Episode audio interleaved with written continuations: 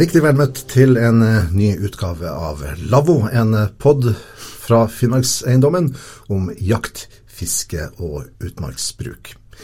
I dag er det kun eh, jeg, Robert Greiner, som sitter alene her. Resten av Lavvo-teamet er på ferie, men jeg er ikke alene. For det er sånn at hvis du er ute med børsa, med stanga eller garnet, så kan det være at du treffer på de to jeg har med meg her. Det er Petter Kohl, og Rune Sandby fra Statens naturoppsyn. Først, fortell, hva er det jobben deres går ut på? Ja, stort sett så dreier det seg om det som foregår utafor asfaltkanten, i en eller annen form. Og ofte så er det i tilknytning til det folk har som vanlig friluftsliv. Det er det vi skal følge med på, og har som vårt arbeidsområde, altså, generelt sett. Enten det er på sjø eller vann eller luft eller ja, motorisert ikke. Ja, altså Vi er jo eh, et statlig oppsynsorgan da, som, eh, som, har egentlig hovedansvaret for eh, naturoppsyn i Norge. Og så skal jeg også legge til at uh, oppsyn det er noe vi i Fefo ser uh, som veldig viktig. Uten oppsyn så blir det vanskeligere for oss å lage en bærekraftig forvaltning av Finnmarkseiendommen. Og så er det mange faktorer som avgjør det når vi setter kvoter, men uh, oppsyn er en av de tingene som vi trenger å ha, rett og slett for å vite mest mulig presist hva slags bestand vi driver og forvalter på. Hvis jeg spør uh, hva er en typisk uh, arbeidsdag, Petter? I utgangspunktet så er den planlagt, men ofte så dukker det opp ting innimellom. Uh, ja, hvis det er, uh, vi er veldig væravhengige av mye av det vi gjør. Vi er avhengig av å finne spor, enten det er på rovvilt eller eh, rørefelling, den type ting. Eller så er det ting som er væravhengig. Altså er det for mye vær, dårlig vær, så er jeg ikke på sjøen f.eks. Eh, ja. Og så kan det dukke opp folk som ringer, har tips. det kan folk kan finne døde dyr, spor skal sjekkes opp, kadaver. ja. Så eh, dagen er, eh, kan være ganske uforutsigbar, egentlig. Ja, nei, det er helt klart. Vi er, vi er mye hendelsesstyrt, men vi har selvfølgelig en del prioriteringer som vi får fra, fra våre oppdragsgivere, altså stat og regjering. Når dere er, og dere har begge to vært lenge i bransjen, kan man trygt si, eh, er det noen spesielle utviklingstrekk dere ser? Ja, altså generelt så vil jeg jo si at, at nordmenn er jo veldig opptatt av natur og bruker naturen veldig mye. Og, eh, og, spesielt kanskje her nordpå så er det noe som ligger i, i DNA-et til folk. Og eh, det fører jo til at, eh, at det er veldig mange meninger om forvaltninga av natur og også selvfølgelig om det her med regelverk. Og det merker jo sikkert dere mye til i Fefo, og vi merker jo også det når vi påtreffer folk ute, at, det, at folk har mye meninger om uh, bruk av natur. Og så er det det at eh, på, jeg, jeg kom ut i 88, og da var jo motorferdselloven ganske ny. Og eh, når vi begynte å håndheve den, så var det veldig mye støy, for å si det mildt. Det, ja, det var heftige greier. Og eh, det var ikke noe trivelig ferdig ut å ta en øl på puben, f.eks. Hvis noen som spurte hva jeg jobba med, så sa jeg at jeg var hydrogeolog. Og da, liksom, da var det ikke så interessant lenger. Og eh, man kontrollerte folk på den tida, så var det en helvetes mye kjeft. Men eh, nå er det stort sett helt slutt på det.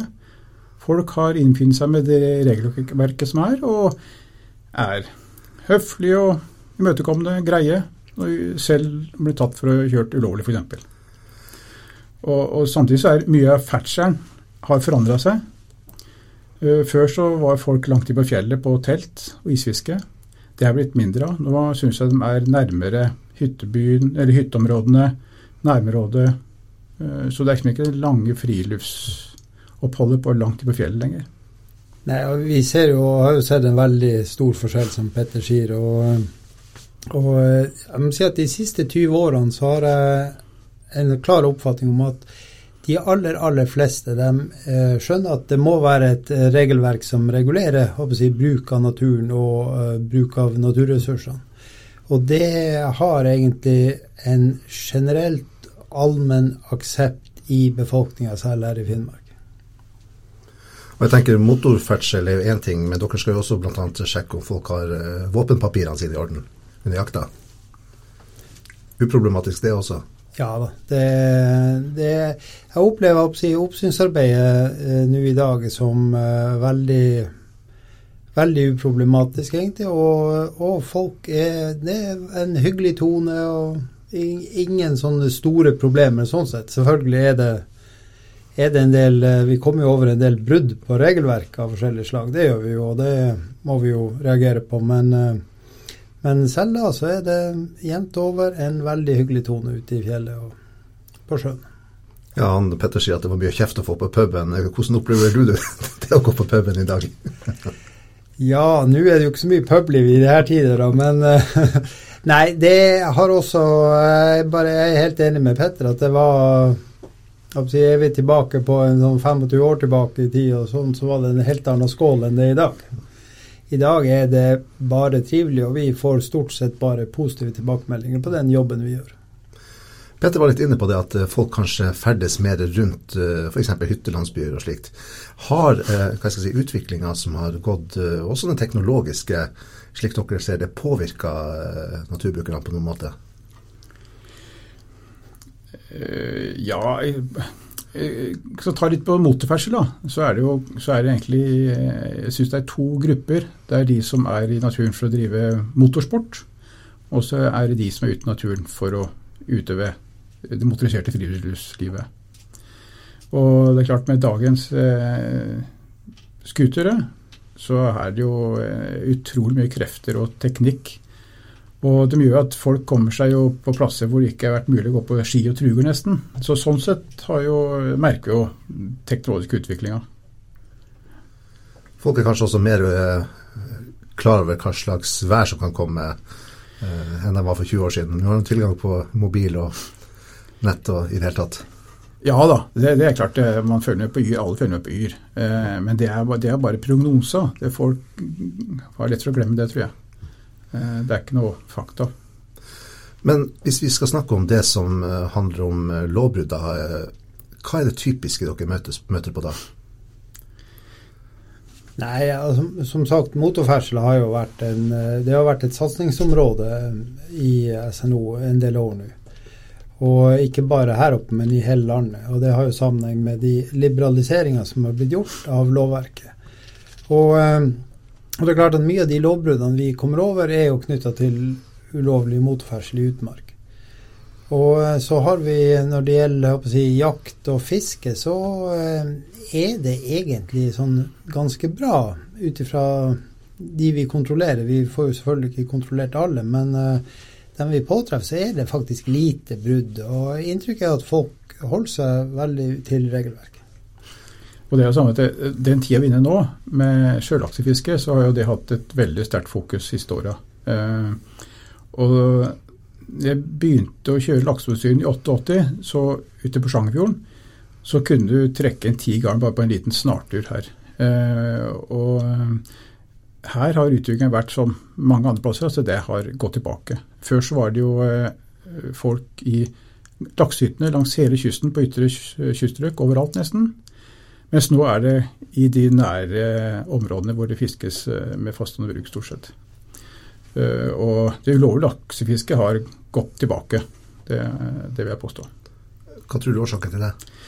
Det er en generasjon som dør ut folk er jo litt lei for å miste garn. Eh, og det er jo forbundet med en risiko å sette garn ulovlig. Altså, det blir jo tatt folk jevnt og trutt, og det er ikke noe det er ikke noe hyggelig opplevelse, vil jeg tro. Nei. Og eh, så er det litt også om det at det, du får ikke noe heltestatus av å fiske med garn i sjøen, for å si det sånn. Ja, altså, Sportsfiske har jo blitt enda mer populært enn det var før. Både i sjø etter anadromfiske, men også i elven. Og så har fokuset endra seg til mer at det er mer opplevelsen enn enn den rene matauken. Men hva er prosedyren da, hvis uh, du først står der, f.eks. med et ørretgarn i, i fjorden, og så treffer jeg på deg, Petter? Ja, det er jo vanlig at vi presenterer oss først, eh, så du aldri er i tvil om hvem du snakker med. Det skal du slippe å være i tvil om. Og så eh, klargjør vi saken, hva som har skjedd der, og sikre bevis. sånn. Og så går saken videre da, til politiet.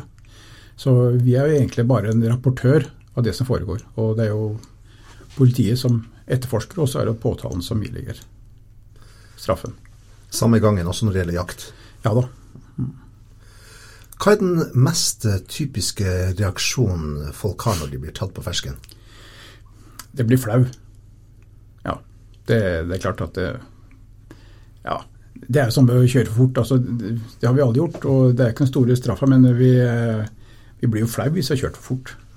Og det samme er det hvis vi blir tatt på fersken med, med garn eller sånt. Også. Og eh, ofte så får jo folk har noen rare reaksjoner. Ja, for eksempel? Eh, ja, det, det, det, komiske det var for noen år siden ute i Tanafjorden. Hvor vi hadde kommet over et garn som var satt ulovlig, og vi begynte å trekke det. Da kommer en kar ned i fjæra og ror ut til oss og spør ja, er det garnet mitt dere tar. Ja, er det ditt garn som står her, så er det ditt. Ja, ja. Ja så jeg spurte på nytt, og det er ditt garn som står her som vi trekker. Ja, ja. Ja, ja, ja, men da er jeg nødt til å følge videre at jeg, du blir dessverre anmeldt for å fiske her. Ja, ja. Og når alt var avklart, så spurte jeg hvorfor kom du ned til fjæra og sa at det var ditt garn?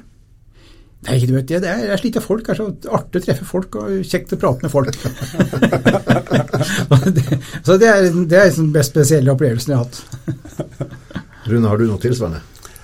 Nei, har, nei, det har jeg faktisk ikke. Men vi har jo påtruffet oss en del folk med, med, med garn da, som uh, plutselig retter seg opp i båten, og så sier de Oi, det står garn her! Og helt overraska. Det er midt imellom to garn som står ulovlig.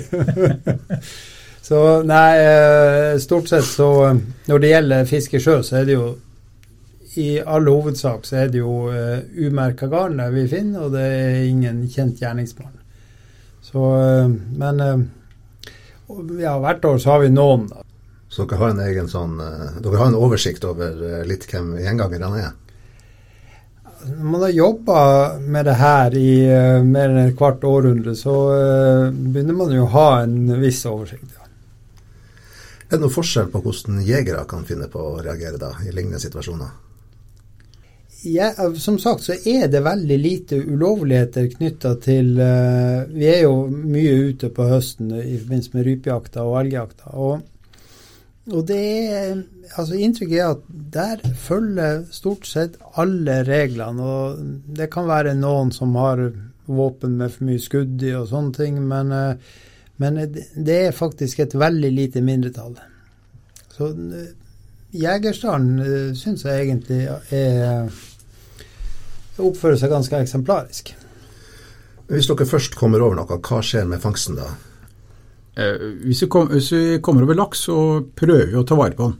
Eh, kan vi ta vare på den, så blir den eh, levert ut til eh, gamlehjem eller, eller, Ja, det er det som stort sett vi veit om liksom, de som hvor de er. og ringer vi dem, og så får de ta den laksen som er brukbar.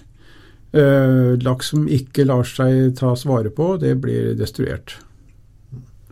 Så, um, så, hvis noen tror at vi spiser eh, laks hver dag hele sommeren, det som beslagra, så skal jeg bare avkrefte det med en gang. Ja, vi har jo hatt at vi har eh, Sist vi var ute, så var vi jo Da hadde vi vel ikke laks om bord da, men det har vi jo hatt mange ganger før. Og da ble det jo litt lengre tur enn vanlig, og da ble vi påtvunget en boks med joikakaker istedenfor. Og det frista absolutt ikke til gjentakelse. Ikke bare bør de forandre navnet på det, de bør fjerne det fra markedet.